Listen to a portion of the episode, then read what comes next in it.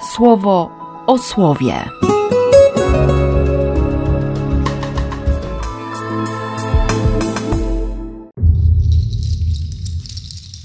Dwudziesty siódmy maja, piątek.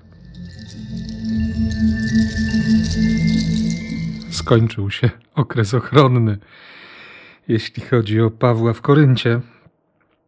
Wszyscy jednomyślnie wystąpili przeciwko Pawłowi, to znaczy Żydzi korynccy. Jak to powiedzą niektórzy, nic bardziej nie cementuje przyjaźni jak wspólny wróg. Ten człowiek nakłania ludzi, by czcili Boga niezgodnie z prawem mojżeszowym. Hm. Ale nowy prokonsul odzywa się, gdyby chodziło o jakąś zbrodnię lub podłe łajdactwo, cierpliwie bym was wysłuchał. Ale jeśli rzecz tyczy się sporu o jakieś słowa, pojęcia z waszym prawem religijnym, to sami się tym zajmujcie. I nawet pobiciem przełożonego, nowego przełożonego po Kryspusie, nie? Sostenesa, przełożonego synagogi, zaczęli go dosłownie tłuc przed sędziowską ławą prokonsula, Galio nie dał się sprowokować. Czasami zwyczajny zdrowy rozsądek w kontekście fanatyzmu religijnego jest, jest bardzo Boży, nawet u tych, którzy w Boga nie wierzą. Cały czas mam w głowie to pierwsze postanowienie, pierwszy dekret pierwszego soboru.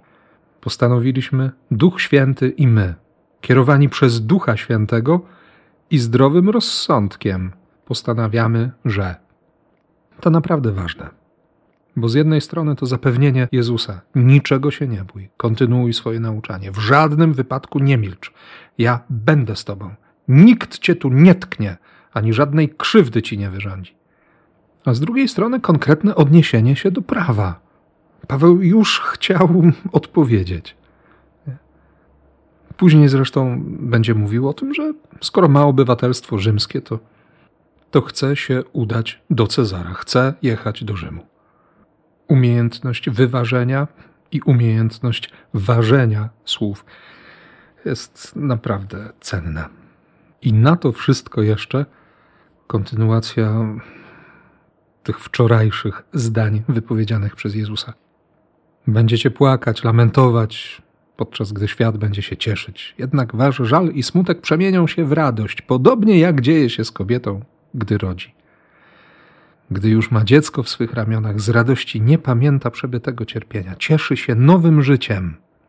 Tak samo i wy. Wkrótce doświadczycie bólu i cierpienia. Lecz kiedy ponownie do was przyjdę, serca wasze wypełnią się radością, której nikt nie będzie w stanie wam odebrać. E, tak, gdy nadejdzie ten dzień, już nie będziecie mieli potrzeby pytać mnie o cokolwiek. E, tyle, że ewangeliści zgadzają się, że gdy Chrystus zmartwychwstały stanął między uczniami, to, to owszem, no, z radości, ale nie wierzyli. Byli kompletnie nieprzygotowani na to, co się wydarzyło. I mieli sporo pytań. A Jezus mówi o tym, że, że nie będzie potrzeby pytać o cokolwiek. Może to chodzi o, o nowe życie i o nowe narodziny. Czyli ten moment, kiedy, kiedy w śmierci się wszystko wyjaśni kiedy już się nie będzie pamiętać przebytego cierpienia, tego wszystkiego, co, co dzisiaj gniecie, co przytłacza, co sprawia ból, co wywołuje płacz, co prowokuje do lamentacji, co owocuje nawet wewnętrznym smutkiem. Tego już nie będzie. I tylko takie zdziwienie i zachłyśnięcie się, a to to o to chodziło, a to tak to wszystko wygląda. Wierzę, że, że będziemy zdziwieni. I cieszę się, naprawdę się cieszę, że, że pierwszym i najważniejszym powodem tego zdziwienia będzie miłość i miłosierdzie. I bez względu na to, kiedy to nastąpi, to już teraz. Błogosławię Cię w imię Ojca i Syna i Ducha Świętego. Amen. Słowo o słowie.